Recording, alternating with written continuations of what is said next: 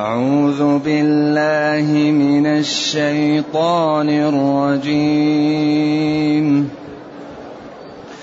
ولا تجعل يدك مغلولة إلى عنقك ولا تبسطها كل البسط. فتقعد ملوما محسورا. إن ربك يبسط الرزق لمن يشاء ويقدر إنه كان بعباده إنه كان بعباده خبيرا بصيرا ولا تقتلوا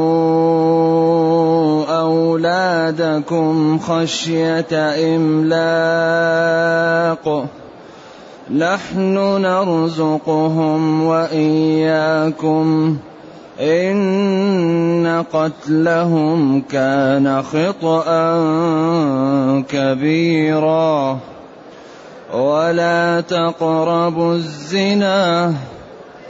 ولا تقربوا الزنا إنه كان فاحشة وساء سبيلا. إنه كان فاحشة وساء سبيلا. ولا تقتلوا النفس التي حرم الله إلا بالحق. ومن قتل مظلوما فقد جعلنا لوليه سلطانا. فقد جعلنا لوليه سلطانا فلا يسرف في القتل. إنه كان منصورا. الحمد لله الذي أنزل إلينا أشمل الكتاب وأرسل إلينا أفضل الرسل وجعلنا خير أمة أخرجت للناس. فله الحمد وله الشكر على هذه النعم العظيمة والآلاء الجسيمة. والصلاة والسلام على خير خلق الله وعلى آله وأصحابه ومن اهتدى بهداه. ما بعد فإن الله تعالى يبين لخلقه أمورا إن عملوا بها سعدوا في الدنيا ورحموا في الأخرى. فيقول لهم وإما تعرضن عنهم ابتغاء رحمة من ربك ترجوها فقل لهم قولا ميسورا. وإما تعرضن عنهم ابتغاء رحمة من ربك ترجوها فقل لهم قولا ميسورا. ولا تجعل يدك مغلولة إلى عنقك ولا تبسطها كل البسط فتقعد ملوما محسورا. هذا تعليم من الله تعالى لنبيه وهو تعليم لخلقه وبيان للتشريع. فإن جاءك يا نبي من يريد منك حاجة ولم تكن عندك الحاجة وتؤملها وتؤمل الغنى من الله فإن جاءك صاحب الحاجة فإن كانت عندك فأعطيه إياها وإن لم تكن عندك فرده ردا جميلا. لأن رد الجميل أحيانا يكون أجمل من قضاء الحاجة مع الغضب ومع الكلح ومع الكلام الذي لا ينبغي. لذلك وإما وإن تعرضن عنهم ابتغاء طلب رحمة من ربك رزق ومال يأتيك فقل لهم قولا ميسورا. قل لهم أغناني الله وإياكم أو إن جاءت الصدقة أو إن أتى شيء أبشروا وأملوا الخير. يعني قل لهم قولا ميسورا إما بالدعاء لهم أو بوعد حسن أن أول ما الله يجعل في يديك شيء تعطيه لهؤلاء الذين جاءوا يريدونه. وإن تعرضن عنهم ما زائد للتأكيد حتى تؤكد النون عنهم ابتغاء طلب رحمة من ربك مال ورزق. ترجوها تؤمل أن تأتيك ولم تكن عندك فقل لهم قولا ميسورا. قل لهم قولا ميسورا. لذلك ينبغي لنا أن نتعود على هذا الخلق الجميل. إذا جاءنا من يريد حاجة فنسد له الحاجة وإن لم نستطع فنقول له شكر الله لك ثقتك بنا. وأول فرصة نجدها فسن نسد لك هذه الحاجة ولا ننسى لك ثقتك بنا. ولذلك يقول إلا تكن ورق ورق فضة. إلا تكن ورق يوما أجود بها اللي هي الفضة المال. للسائلين فإني لين العود. إن لم يكن فيه مال أعطيه للناس فأنا أرفق بهم وأتكلم معهم برفق. فإني لين العود. لا يعدم السائلون الخير من خلقي. إن لم يجدوا عندي مالا يجدوا عندي الخلق. لا يعدم السائلون الخير من خلقي إما نوالي وإما حسن مردودي. إما أن نعطيهم مال أو نردهم ردا جميل. ولذلك قال وإما تعرضن عنهم ابتغاء رحمة من ربك ترجوها فقل لهم قولا ميسرا. قال وإما حسن مردود. لذلك هذا الدين دين جميل. يدعو لكل رفق. أما المسلم يأتي للمسلم يقول له يا أخي روح. عيب. ولذلك قال وأما, وأما السائلة فلا تنهر. وفي أموالهم حق معلوم للسائل. في الوقت الذي يقول ما فتح عبد باب مسألة إلا فتح الله عليه باب فقر. من تعفف يعفه الله ومن استغنى يغنيه الله ومن تصبر يصبره الله. وإذا فتح العبد باب مسألة فتح الله عليه باب فقر. والذين يسألون يأتوا يوم القيامة وفي وجوههم لا لحم. عظم.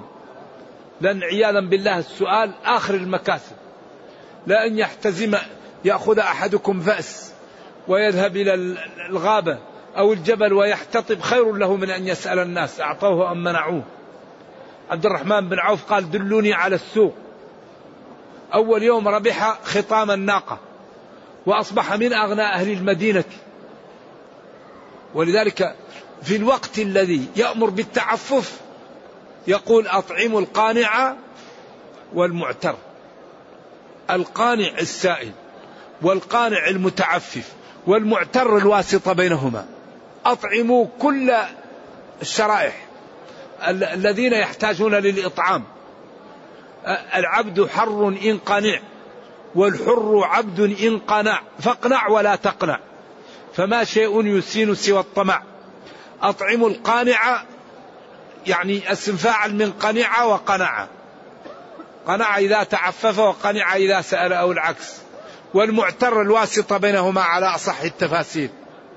إذا هذا دين الإسلام دين عجيب. يأمر بالتعفف ويأمر بالإعطاء. ويأمر بالستر. ويأمر بالصبر. إذا فقل لهم قولا ميسورا كلاما طيبا جميلا سهلا.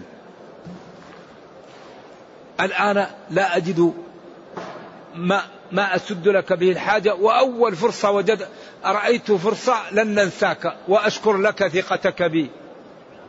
هذا رد جميل. أو تعطيه حاجته. ولذلك أنت إذا جاءك مسلم يريد حاجة إن لم تعطيها له فالله سيغنيه عنك. فهي فرصتك أن تفعل الخير. ولذلك عمل الخير يزيد في في المال ويزيد في في, في, في كل خير. ما نقص مال من صدقه لا توكي فيكي الله عليك. من من الذي يقرض الله قرضا حسنا؟ ثم بين كيف يكون الإنفاق. فقال جل وعلا ولا تجعل يدك مغلولة إلى عنقك ولا تبسطها كل البسط. فتقعد ملوما محسورا في أثر ضعيف أن النبي صلى الله عليه وسلم جاءه رجل أو طفل مرسول من أمه وقال له تقول لك أمي تعطيني ثوبك. فأعطاه الثوب وأذن المؤذن للصلاة ولم يستطع الخروج لأنه لا ثوب له يخرج له. وكانت إحدى أمهات المؤمنين تقول له كيف تعطي ثوبك؟ فأنزل الله عليه ولا تجعل يدك مغلولة إلى عنقك ولا تبسطها كل البسط. فتقعد ملوما من إحدى أمهات المؤمنين محصورا عن الصلاة لا تستطيع الخروج لأنك لا ثوب لك. والآية أعم من هذا. أي لا تعطي كل ما عندك ولا تمنع كل ما عندك. أعطي بعض ما عندك وامسك لك بعض ما عندك. لأنك إذا أعطيت كل ما عندك الذي يأتي ويسألك يقول أعطاني فلان وما أعطاني. ويقول الناس هذا مسكين مبذر ما عنده شيء. محصور لا تستطيع أن تقوم بما تستطيع. لأنك كل ما عندك أعطيته وبقيت مثل المحصور والمحصور الذي يمشي فإذا مشى في الطريق دابته لا تستطيع أن تمشي. يقال حصر. حصره الظهر أو حصره الطريق. ومنه الحصر بالعدو. والاشتراط فإن حبسني حابس فمحلي حيث حبستني. قد يكون الإحصار دائما يكون بالعدو. ومنهم من يقول بالمرض إذا الشريعة تقول للمسلم أعطي وامسك. ولذلك أصول العمل التجاري في في نقطتين. النقطة الأولى البصر بجلب المال. النقطة الثانية البصر في تصريف المال. وبعض الناس يكون بصير بجلب المال لكن أخرق في تصريفه. وبعض يكون بصير في تصريفه لكن أخرق في جلبه. والبعض يكون أخرق في الاثنين والبعض يكون جيد في الاثنين. إذا أصول العمل أن تكون بصيرا بالطرق التي تأتي بها بالمال الحلال. التجارة الزراعة البيع العمل. السلم أي طرق من طرق جلب المال. وتكون بصير أين يصرف المال. لا تصرفه إلا في مصارفه أقل شيء حلال. هذا هو رأسي ركني العمل في المال. إذا هذا ركن. هذا بين كيف يكون الصرف. قال إيش؟ لا لا تجعل يدك مغلولة إلى عنقك. هذا هذا تعبير عن البخل. ولا فيه داء أدوأ من البخل. وأي داء أدوأ من البخل؟ ولا فيه صفة يتصف بها العبد أحسن من السخاء. تستر بالسخاء من كل عيب فإن العيب يستره السخاء. نبينا صلى الله عليه وسلم ما جاءه شخص عنده حاجة وقال لا. لا يؤتيه أحد يريد حاجة وهي عنده إلا أعطاه إياها. ولذلك قال تعالى ومن يوق شح نفسه فأولئك هم المفلحون. وأحضرت الأنفس الشح ولذلك المسلم لا يكون شحيحا ولا يكون بخيلا ولا يكون مبذرا. التبذير لا لا يجوز. إن المبذرين كانوا إخوان الشياطين ولا يكون سفيها لأن السفيه يحجر عليه وهو الذي لا يحسن صرف المال ويجعله فيما لا يجوز ويضيع المال. ولذلك في الشرع السفيه لازم يحجر عليه حتى يرشد.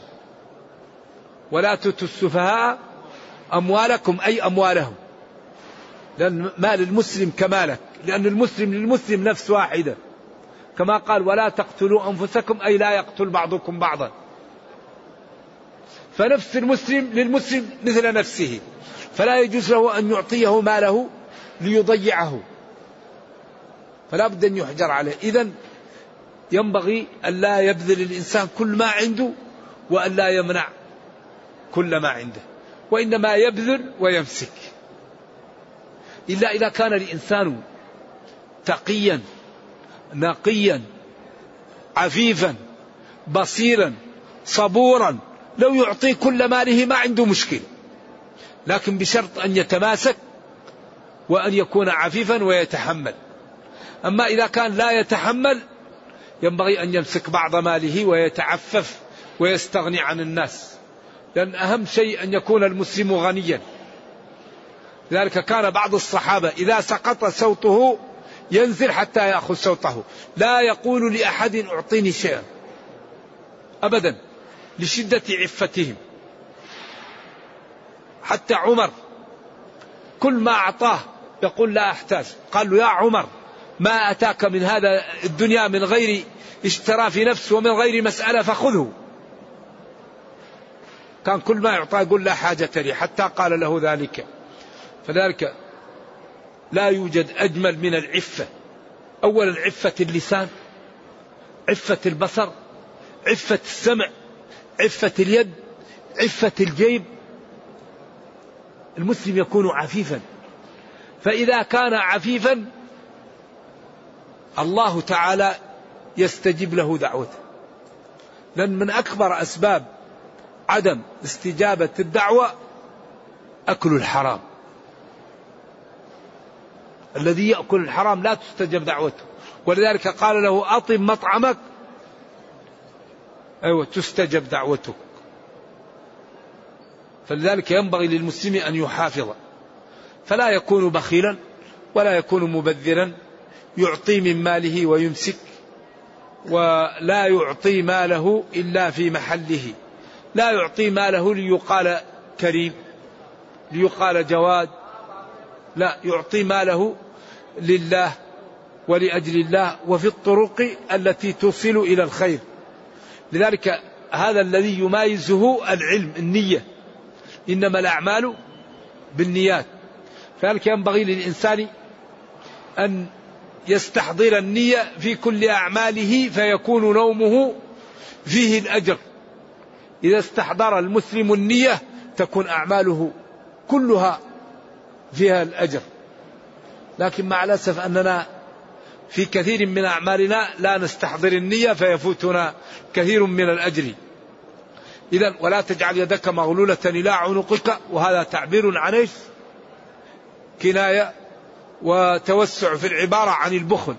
ولا تبسطها كل البسط. كناية عن أنك إذا بسطتها لا يبقى فيها شيء. كناية عن الإعطاء الكثير. وإنما ينبغي للإنسان أن يعطي من ماله ويمسك من ماله لنفسه ولعياله. ولأن ترى ورثتك أغنياء. خير من أن تذرهم عالة يتكففون الناس. ذلك الإنسان ينبغي أن يغني نفسه ويغني من يعول. كفى بالمرء إثما أن يضيع من يعول. دين الإسلام دين عجيب. يدعو لكل فضيلة. وينهى عن كل رذيلة. إذا يأمر بالإعطاء ويأمر بالمسك ويجعل الإنسان متوسط. نبينا كان يمسك قوت يومه والباقي يوزعه. وقال لا نورث. نعم. وأبو بكر كان يعطي كل ماله لأن أبو بكر كان خبيرا. لأن أبا بكر كان خبيرا بطرق جلب المال وعمر يعطي نصف ماله. وعثمان بن عفان رضي الله عنه جهز جيش العسرة. لا يضر عثمان ما فعل بعد اليوم. لذلك المال الصالح للرجل الصالح هذا أمر عظيم. لكن المال الذي يأخذه لي لي لي ليكتنزه هذا يكون له في الدنيا شقاء وذل وفي الآخرة عقوبة. المال فائدته أن الإنسان يغني به نفسه ويعفه وأن يكون سببا في دخوله الجنة ونزوله المنازل العليا. فإذا كان المال يريده ليكون عبدا له هذا يكون له شقاء في الدنيا عذابا في الدنيا وشقاء في الآخرة. ذلك من كان في قلبه المال لا يجد طعم للحياة لأنه في النهار يشتغل وفي الليل يحزن حتى يبقى هذا للورثة وقد لا يقولون يرحمه الله. لذلك من رزقه الله المال ينبغي أن لا يكون في قلبه وأن يصل رحمه وأن يساعد منه ويبذل في طرق الخير.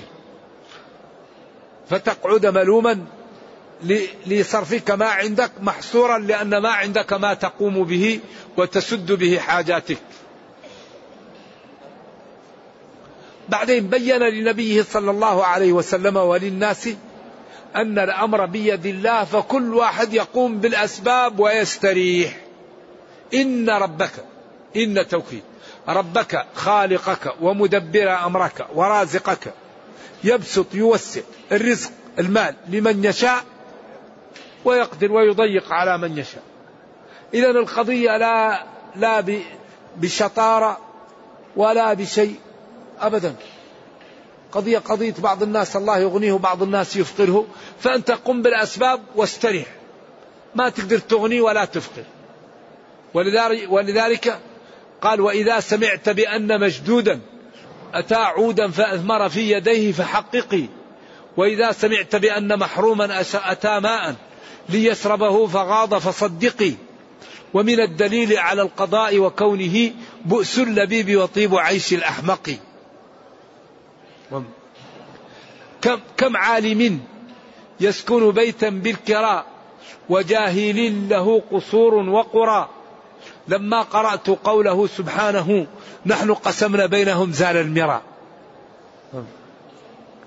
كم عالم نعيت مذاهبه وجاهل جاهل تراه مرزوقا. هذا الذي صير الأوهام حائرة وجعل العالم النحرير زنديقا. إذا فالله تعالى هو الذي يوسع ويضيق والعبد يطمئن ويقوم بالأسباب ويعلم أنه ما كان يكون.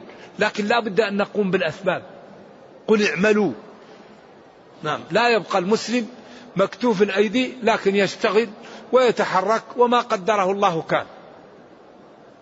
إذا قال للنبي إذا القضية أنت ما عليك. الله هو الذي يبسط الرزق لمن يشاء. ويقدر لمن يشاء. إنه كان إنه كان بعباده خبيرا بصيرا. إنه كان بعباده خبير لأن بعض الناس لا يصلحه إلا الفقر. لو يغني على طول يطغى. ويقول على علم عندي. ويبدأ يفعل الأفاعيل فما يصلحه إلا الفقر. فالله يفقره رحمة به. وبعض العباد لا يتحمل لا يصلحه إلا الغنى لأنه إذا افتقر يقع في مأزق. ولا يصبر. فالله يغنيه. والبعض لا يصلحه إلا الكفاف فيعطيه الكفاف. إذا يدبر الأمر. الكبير المتعال هو الذي يدبر لنا. فبعض الناس يريد الماء الغنى وهو يكون ورطة عليه. ويسبب له وبعض يعطيه الغنى رحمة به وبعض يعطيه الكفاف. فلذلك هذا تدبير من الله يدبر الأمر. ولذلك دائما يعطي لخلقه ما, ما, ما, ما يساعده. إلا عياذا بالله من كتبت له الشقاوة. إنه كان بعباده خبيرا بصيرا. خبيرا بأمورهم بصيرا بهم. فذلك يغني من في من في صالحه الغنى ويفقر من في صالحه الفقر ويعطي لمن في صالحه الكفاف. ولذلك عسى أن تكرهوا شيئا وهو خير لكم. وعسى أن تحبوا شيئا وهو شر لكم.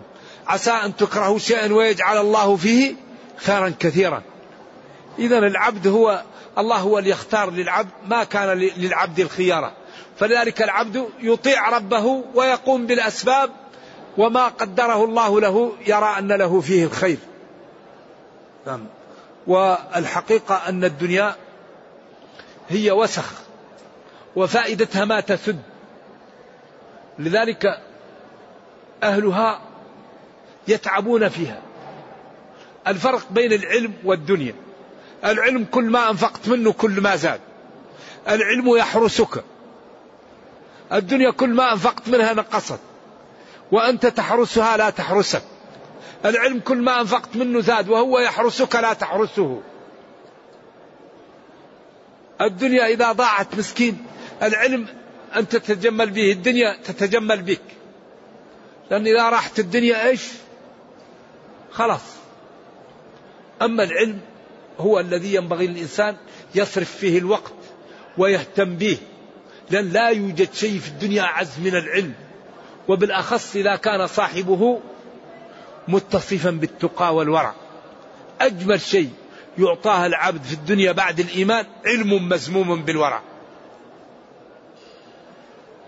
لذلك العلماء ورثة الأنبياء يعني ولذا سبحان الله العظيم ينبغي للإنسان أن يصرف وقته في العلم وأن يبذل لأجل العلم ويطلب من الدنيا ما به يسد حاجته.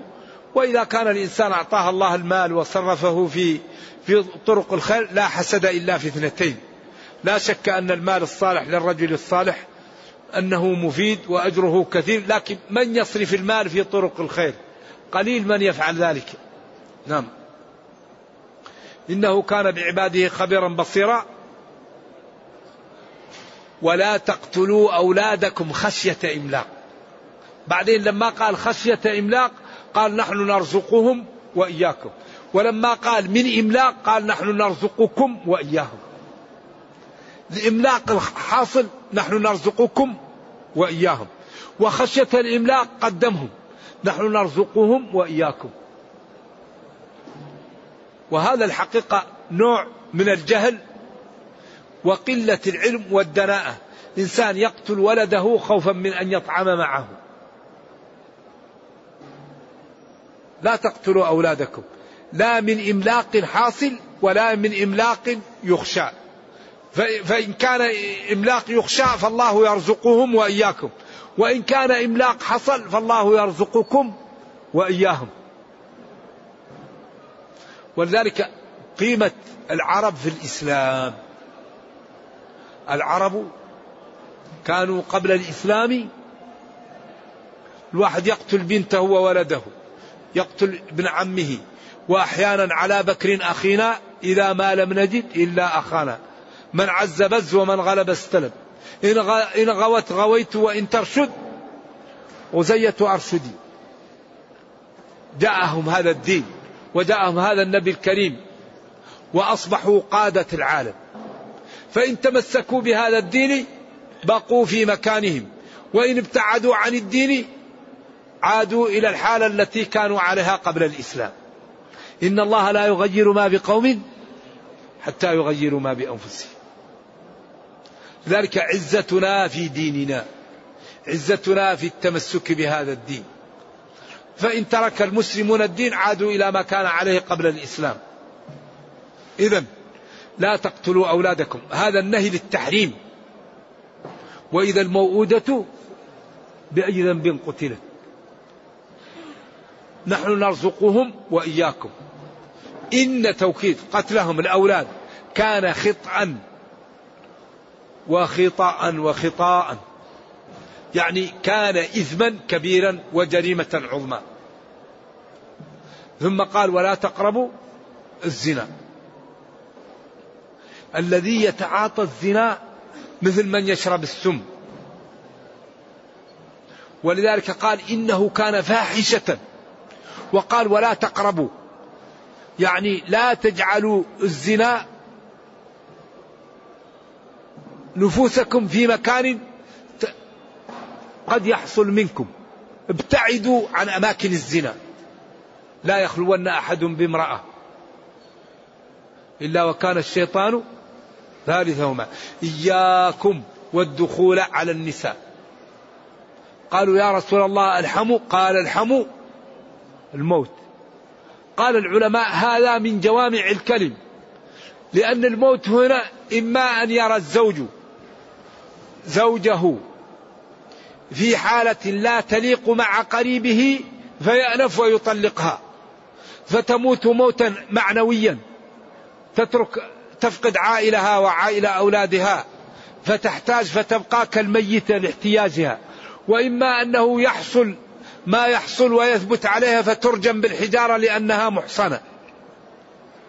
إذا الحمو الموت إما موت حسي أو موت معنوي. لذلك هذا هذا من جوامع الكلم. ولا تقربوا الزنا. أيوة، ولذلك لا يسافر لا تسافر امرأة إلا مع ذي محرم. لا يحل لامرأة تؤمن أن تسافر مسيرة يوم أو ليلة إلا مع ذي محرم. إياكم والدخول على النساء. وحذر من هذا. وأمر بغض البصر.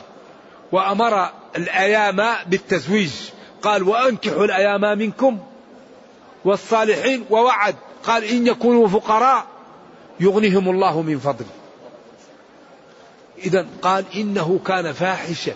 أي إنه كان يعني بل واقع الغاية في الفحش. لأنه هذا أمر شنيع ويسبب الأمراض واختلاط الأنساب وضياع ويسبب أمور لا يعلمها إلا الله.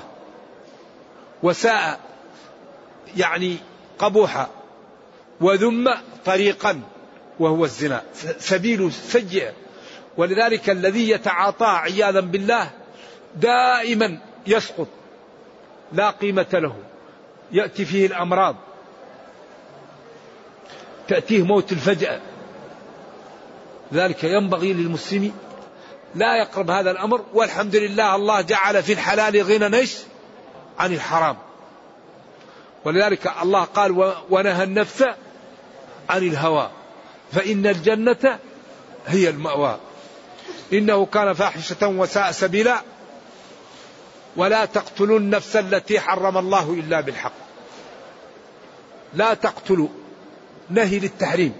النفس المعصومة سواء بالإسلام أو بإيش؟ أو بال أو بالذمة أو بالعهد. ومن قتل مظلوما ولذلك لا يحل دم امرئ مسلم إلا بإحدى ثلاث زنا بعد إحصان وكفر بعد إيمان وقتل النفس المعصومة عمدا.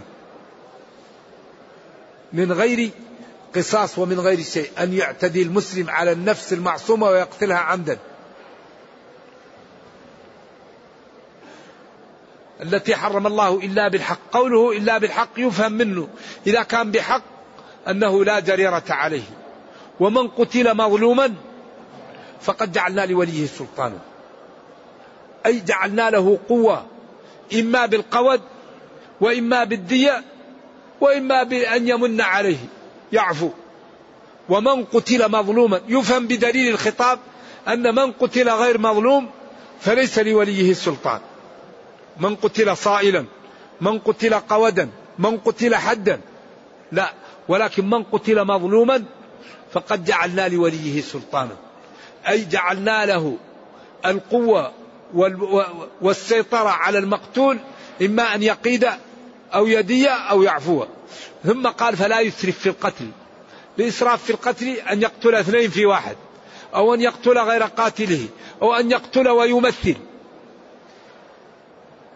أو أن يقتل ويطلب الدية مع القتل. كل هذا إسراف. إنه كان أي ولي المقتول المقتول منصور. الله ينصره حتى يأخذ له الحق. ولذلك قال ابن عباس لعلي بن أبي طالب لما أراد أن يذهب إلى العراق قال له لا تذهب إلى العراق فإن عثمان قتل مظلوم ومعاوية من أولياء دمه والله يقول ومن قتل مظلوما فقد جعلنا لوليه سلطانا. وكان علي رضي الله عنه يقول لابن عباس إنما ينظر للغيب من ستر رقيق. لذلك كان علي دائما يقول إن ابن عباس ينظر إلى الغيب من ستر رقيق. فاستدل بالآية أن العاقبة تكون لمعاوية رضي الله عن الجميع لأنه ولي دم عثمان لأنه ابن عمه وعثمان قتل مظلوم والله قال قال فقد جعلنا لوليه فأخذ بأعم من اللفظ. نعم. والحقيقة أن يعني ديننا دين يحتاج منا إلى أن نعطيه الوقت. لا بد أن نعطي وقتا لهذا الكتاب. فنعرف ما الواجب نمتثل. ما الحرام فنتجنب. وما أردناه يعطيه لنا ربنا. ربنا كريم وقادر وغني ولا يضيع أجر من أحسن عملا. نرجو الله جل وعلا أن يرينا الحق حقا ويرزقنا اتباعه وأن يرينا الباطل باطلا ويرزقنا اجتنابه وأن لا يجعل الأمر ملتبسا علينا فنضل. اللهم ربنا أتنا في الدنيا حسنة وفي الآخرة حسنة وقنا عذاب النار. اللهم اختم بالسعادة آجالنا وقرم بالعافية غدونا وآصالنا واجعل إلى جنتك مصيرنا. اللهم أصلح لنا ديننا الذي هو عصمة أمرنا وأصلح لنا دنيانا التي فيها معاشنا وأصلح لنا آخرتنا التي إليها معادنا واجعل الحياة زيادة لنا في كل خير والموت راحة لنا من كل شر. سبحان ربك رب العزة عما يصفون وسلام على المرسلين والحمد لله رب العالمين والسلام عليكم ورحمة الله وبركاته.